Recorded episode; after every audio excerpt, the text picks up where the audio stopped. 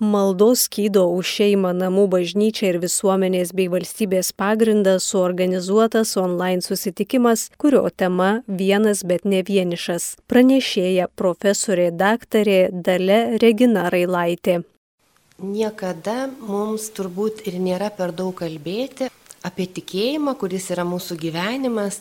Ir todėl šiandieną tikrai dalinsiuos ne savo įžvalgom, bet dalinsiuos savo gyvenimu tuo, tuo, kas iš tiesų yra labai aktualu, labai svarbu, kuo aš esu gyva ir manau to, kuo gyvas esate kiekvienas iš jūsų.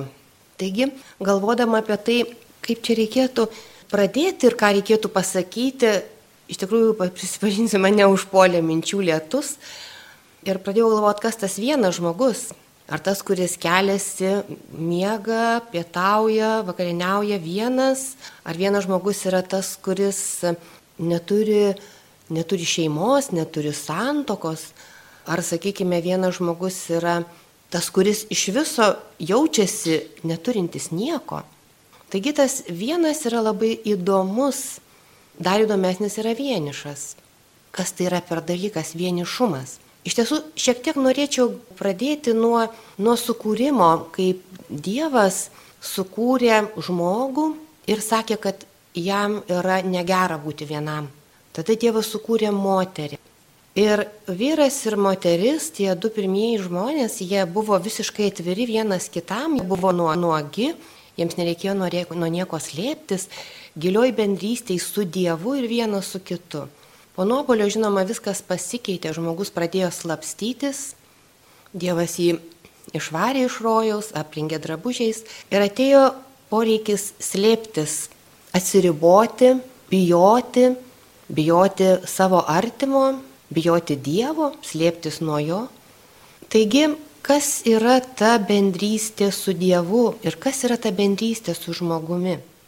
Turbūt šiandieną netgi kalba daugiau ne apie tai, kas yra vienas ir vienišumas, bet apie tai, kas yra tikroji bendrystė. Taigi, kas yra žmogus? Savo palaiminime tesalonikiečiams šventas Paulius sakė, kad ramybės Dievas te pašventina ir te išlaiko tobulą bei nepaliestą jūsų dvasę, sielą ir kūną mūsų viešpaties Jėzaus Kristaus ateimui. Taigi dvasia, siela ir kūnas arba gal pagal hierarchiją kūnas siela ir dvasia, kylant aukštyn. Ir visos šitos mūsų trys dalys iš tiesų trokšta bendrystės. Mūsų kūnas trokšta glostimo, prisilietimo, trokšta intimumo. Per, per sielos galės, per jūslės, per visą tai mes pažįstam ir suprantam ir jaučiam bendrystę. O kaip dvasia, kaip dvasia toje mūsų bendrystėje dalyvauja. Iš tiesų laikas labai daug ką keičia. Ir jeigu pažiūrėtumėm iš tiesų, koks yra tas mūsų kūnas ir siela, tai mes pamatytumėm, kad tai yra labai sudėtinga. Ir mūsų kūnas, vien tai, kad aš galiu kalbėti su jumis, kad aš galiu judėti, jame vyksta daugybė dalykų. Taip pat ir siela mano, mano sielos galios, mano jūslės, kaip tai yra nuostabu matyti dangų, jausti, užuosti. O apie dvasę, iš tiesų tai yra dar daugiau. Tai labai slėpininga ir mes matom, kad šiandieną žmogus yra labai susiaurintas ir labai labai supaprastintas. Kūnas yra toksai tarsi kažkoks nelabai tikęs instrumentas, kurėjo sukurtas, nu toks nelabai tobulas, kurį galima perdirbinėti nuolatos įvairiausiam šio laikinėm priemonėm. Tai taisyti. Na, siela iš tikrųjų irgi turėtų būti pavesta e, mokslus išėjusiam psichologam, gyvenimų tvarkytojam. Dvasia kaip ir nebeturi vietos žmoguje šiandieną, na, galbūt kažkokių žodžių sąskampė, kad jis turi tvirtą dvasę arba kažkas panašaus. Bet iš tiesų tai labai sukomplikuoja mūsų visą gyvenimą ir mūsų bendrystę, todėl kad žmogus gyvena kažkokiam nuolatiniam savo išgyvenimų teatre. Šitam išgyvenimų teatre centre yra aistros ir tų aistrų tenkinimas yra pats didžiausias pilnatvės matas. Ir mes vertiname tą pilnatvę savo jausmais. Tai reiškia, jausmai yra toks mūsų kriterijus. Ir vad per, per, šitą, per šitą, šitame teatre, kuris yra pilnas šešėlių, iliuzijų, kreivų veidrodžių, mes ir patiriame bendrystę ir toje bendrystėje vis tiek yra didelė, didelė tuštuma. Koheletas rašo, kad vargas vienišam žmogui, juk kai jisai suklumpa, nėra kas jį pakeltų. O kitoje vietoje, kad vienišą žmogų sunku, lengva įveikti. Taigi, kas tas vienišumas, kas tai yra? Vis tiek turbūt, turbūt tai yra jausminė būsena, ar ne? Kas tai yra? Tai yra jausmas. Aš sakyčiau, kad turbūt vienišumą man labiausiai atspindėtų žodis, kad tai yra žmogus, kuris yra nesaugus nesaugus. Kodėl žmonės bijo vienatvės, ypatingai vyresni žmonės. Žmogus, kuris nesaugus, žmogus, kuris bijo. Kažin ar tai yra tuštuma, kaip galbūt galėtumėm įsivaizduoti. Nes šiandieną jau ko, ko netrūksta, tai galimybė užpildyti tuštumą. Ir Mes matome, kad begaliniai tušti pokalbiai, telefonas, internetas, toks nuolatinis dalyvavimas socialiniuose tinkluose, visą laiką veikloj, visą laiką veikloj, visą laiką su kažkuo tai kartu visą laiką kažkokiuose rūpeščiuose, santykiuose. Ir netgi žmonės, kurie gyvena, kaip jau supraskim, vieni ar ne, gula vieni, kelia vieni. Na vėlgi jie turbūt daugelis iš jų nuo ryto iki vakaro turi įjungtą televizorių, telefonu nuolatos kalba ir turbūt yra labai labai mažai žmonių, kurie gyventų taip, kaip, sakykime, mes gyvenom prieš 30 metų, ar ne, jau jo labiau nekalbant apie tai, kaip žmonės gyveno prieš 50 metų. Taigi yra ir netgi e, tokie bandymai išeiti iš realios tikrovės per kokius kvaišalus į, į iliuzinį gyvenimą ir tenais ieškoti ne tos tikrosios bendrystės, bet kažkokios tai bendrystės su savo įsivaizduojamu pasauliu. Taigi nėra lengva gyventi šitame mūsų teatre iliuzijų. Ir vis dėlto turbūt visi, visi suprantam, kad kada galvojam apie vienišumą, vienatvę, visi suprantam, kad mums visiems tos bendrystės trūksta. Kas yra ta bendrystė, kurios mums trūksta? Taigi dvasia ta, apie kurią šiandieną mes daugiau girdim kaip apie žodį tokį, kuris nereiškia savo tikrosios esmės. Ir man labai patiko, kažkada skaičiau Kotrynos sienietės tokią mintį, nuostabi šventoji, ir jinai sakė savo mamai, kuri priekaištavo jai, kad Kotryna pernelyg retai būna namuose, pernelyg mažai būna su ją, jinai sakė, jūs taip kalbate todėl, kad tą dalį, kurią, gavo, kurią aš gavau iš jūsų, jūs vertinate ir mylite labiau negu tą dalį, kurią gavau iš Dievo. Taigi, kokie bebūtų gražūs, harmoningi, sklandus mūsų santykiai šeimoje, bendruomenėje, kaip gražiai besidėliotų tie mūsų gyvenimai, kokie apstus ir turtingi ir sėkmingi jie bebūtų, mes e, vis tiek visi jaučiame vienaip arba kitaip, kad pilnatvės juose nėra. Ir tos pilnatvės niekada nebus, jeigu mūsų santykiuose tarpusavyje nebus Dievo. Ir jeigu nebus mūsų santykio su mūsų kūrėju.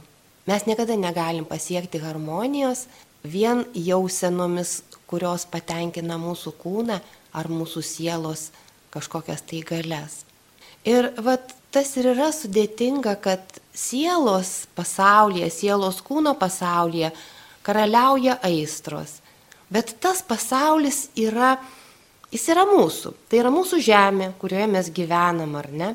Sielos gyvenimas yra žemiškas gyvenimas. Ir net jeigu tame žemiškame gyvenime mes Kristų paskelbtumėm karaliumi, vis tiek tai nebūtų pilnatvės gyvenimas, nes Kristus pats yra sakęs, kad mano karalystė yra ne iš šio pasaulio. Šiame pasaulyje mes tos pilnatvės niekada nerasime. Ir Kristus yra sakęs, kad pasaulyje mūsų laukia priespauda. Taigi, ta bendrystės pilnatvė, kaip visi suprantame, jinai yra kažkur kitur. Nepriklausomai nuo to, ką šaukia ir reikia mums dabartinė aplinka, kaip be nori mums įteikti įvairiausius dalykus, kartais iš tikrųjų jai ir labai gerai sekasi, mes vėl dėl to suprantam, kad šitas pasaulis, kuriame mes gyvename, jis yra sklidinas ir melo, ir iliuzijų, Ir toj pačioj bendrystėje viso to yra labai daug, jeigu mes į savo santykius neatsikviečiam Dievo ir jeigu kūrėjas nėra mūsų svarbiausias gyvenimo režisierius. Taigi, dvasinio pasaulio kryptis visada yra truputėlį kitokia negu sielos pasaulio. Ta kryptis veda į dangų. Ir Dievas mus kviečia visokiausiais būdais link savęs. Ir ta, tas vienišumo jausmas, tas nesaugumo jausmas, baimės jausmas, tai taip pat yra Dievo kvietimas eiti link jo, jo ieškoti. Iš tiesų mes ateiname į šitą pasaulį ir nuo vaikystės po truputėlį išdirbam įvairiausius tokius instinktyvius įpročius, kurie po to mūsų gyvenime veikia visiškai mums nesusimastant. Daugelis iš mūsų ir neturėjo tokios malonės nuo pat mažumės gyventi šeimoje, kurioje buvo teisingai sustatyti prioritetai, ar ne? Daugas mes esame atsivertę, atsivertę jau brandžiam gyvenime, taigi turim daugybę įpročių ir iš tiesų tie įpročiai, vat, jie dažnai valdo mūsų mintis, mūsų polėkius, mūsų tokius spontaninius veiksmus ir dar tai, kad jau žmogus ir tai yra pripratęs kažkaip tai visko bijoti, ar ne, tai turbūt yra įdėta po to momento, kada įvyko nuopolis ir žmogus pradėjo saugotis e, vienas kito, turbūt tas nesaugumo jausmas mums yra labai labai būdingas. Ir vis tiek, nors visi žinome, kad mūsų namai yra danguje, nors visi žinome, kad mums, mūsų saugumą mums teikia tik tai Dievas, vis dėlto vieni iš didžiausių iššūkių šių dienų krikščioniui, kaip bebūtų, tai yra iš tiesų tuo patikėti. Pirmiausia, tai patikėti tuo, kad Žemėje mes esame tik laikini keleiviai. Na, kaip sako, kaip užėgoj. Atėjai, pernakvoj ir keliauji toliau. Mūsų namai yra danguje. Ir man tai yra sunku. Aš tuo tikiu, bet vis tiek tas žemiškas gyvenimas yra taip arti. Ir aišku, kuo dažniau mes savo tai pakartojame, kuo daugiau mes apie tai mastome, kuo daugiau mes tame esame, tuo artimesnė ir labiau prijaukinama mums yra šita mintis. Kitas dalykas, kas man atrodo krikščionim yra labai sunkiai įgyvendinama, taip įkūnijama savo galvoje, širdyje, tai yra tai, kad mylintis Dievas, jisai suskaičiuoja mūsų visus plaukus, ar ne? Sako, jūs vertesni už daugybę žvirblių, nors nei vienas žvirblis nekrenta be, be viešpatės valios, ar ne?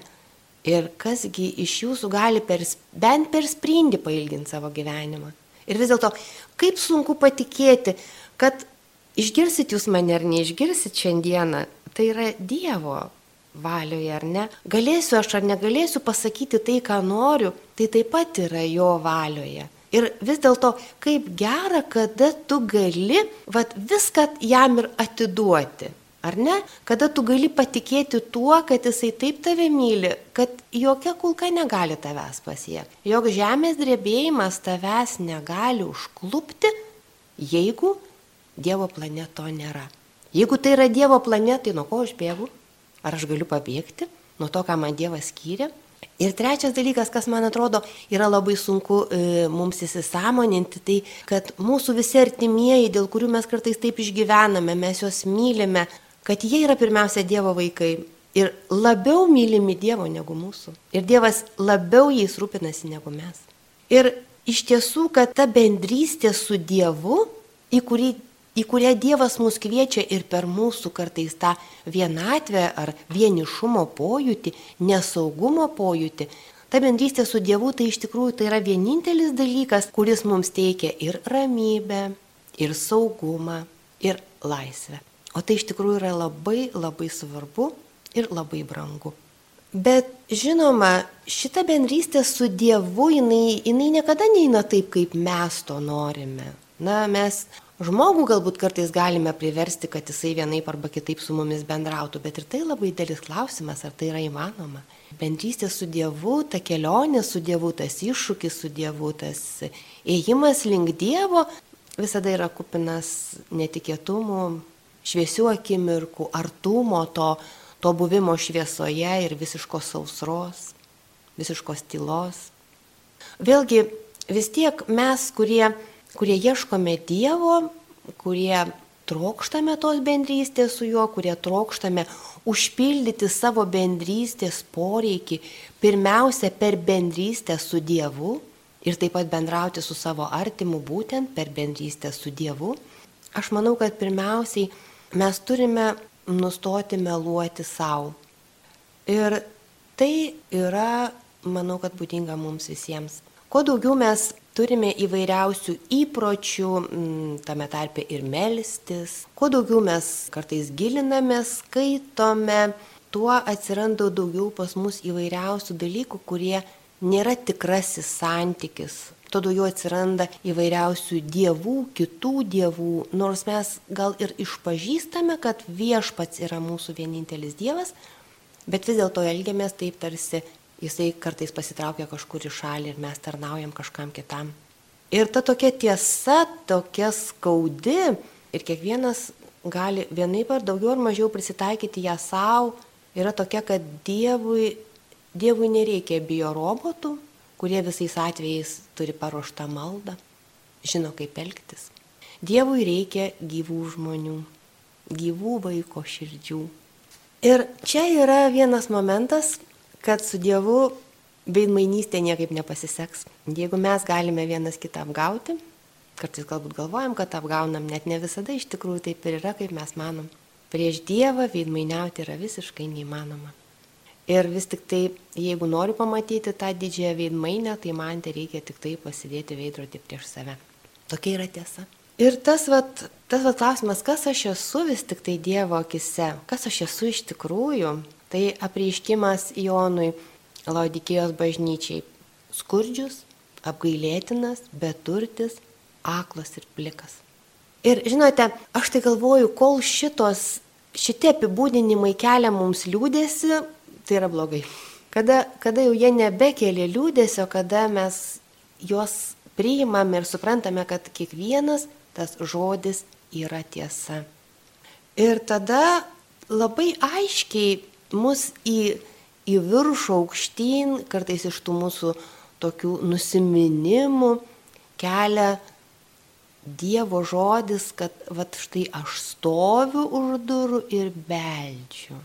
Ir kas išgirs ir atidarys duris.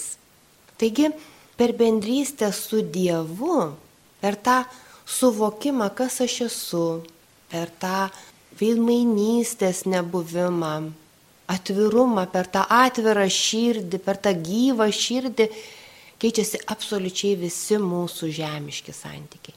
Ir tada, tada paprasčiausiai tiesiog atsiranda visiškas supratimas, kad visus žmonės, kurie yra aplink mus, artimus, mažiau artimus, juos visus reikia paleisti laisvę. Tiesiog leisti jiem būti tokiais, kokie jie yra. Žinoma, na, aš tuo momentu nekalbu apie mažus vaikus, Reiškia, žmonės reikia paleisti laisvę. Tai yra gana sunku, todėl kad mes esam labai labai pripratę turintys tą savo tokias mąstymo klišės, koks tas žmogus turi būti, kaip jisai turi elgtis vienoje arba kitoje situacijoje. Taigi, pasakyta, neteiskite, tai pirmiausia, nevertinkite. Paleiskite visus žmonės ir leiskite jiems būti Dievo vaikais tokiais, kokie jie yra. Kitas momentas, tai ką mes visi gerai žinom, kas mus veda į tą bendrystę su Dievu, tai yra Dievo žodis, tai yra malda, tai yra sakramentai. Ir vat čia atsiranda galimybė pamilti Kristų visą širdimi. Atrodo tai paprasta, o iš tos pusės be galo sudėtinga - pamilti visą širdimi. Kažkada skaičiau tokią knygą, kai bažnyčia buvo jauna. Turbūt daug kas jūs skaitėte, vienaip arba kitaip esate girdėję daugelio šventųjų istorijas, ar ne?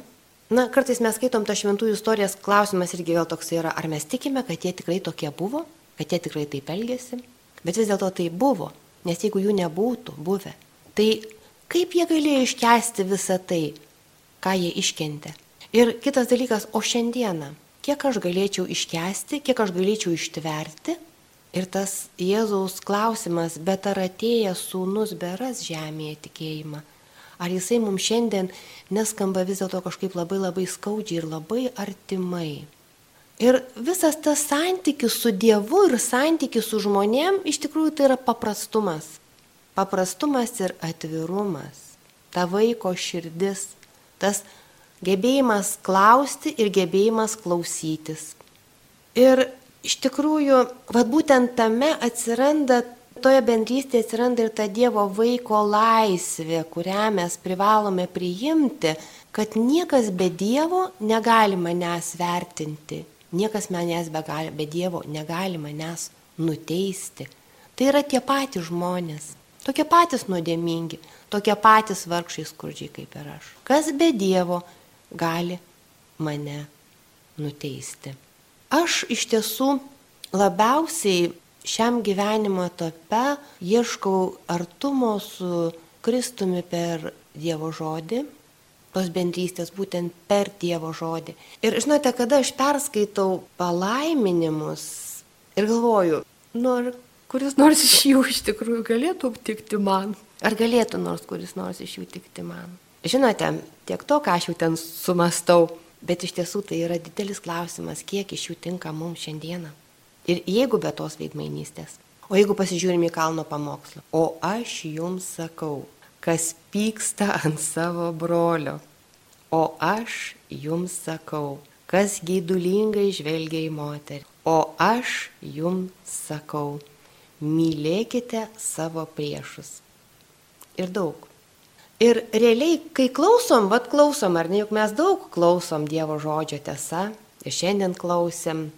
Ir vis dėlto, jeigu mes norim atnešti tai į savo gyvenimą, realiai atnešti, tuo kvepuoti, su tuo būti, tai ar nekieti yra tie jo žodžiai?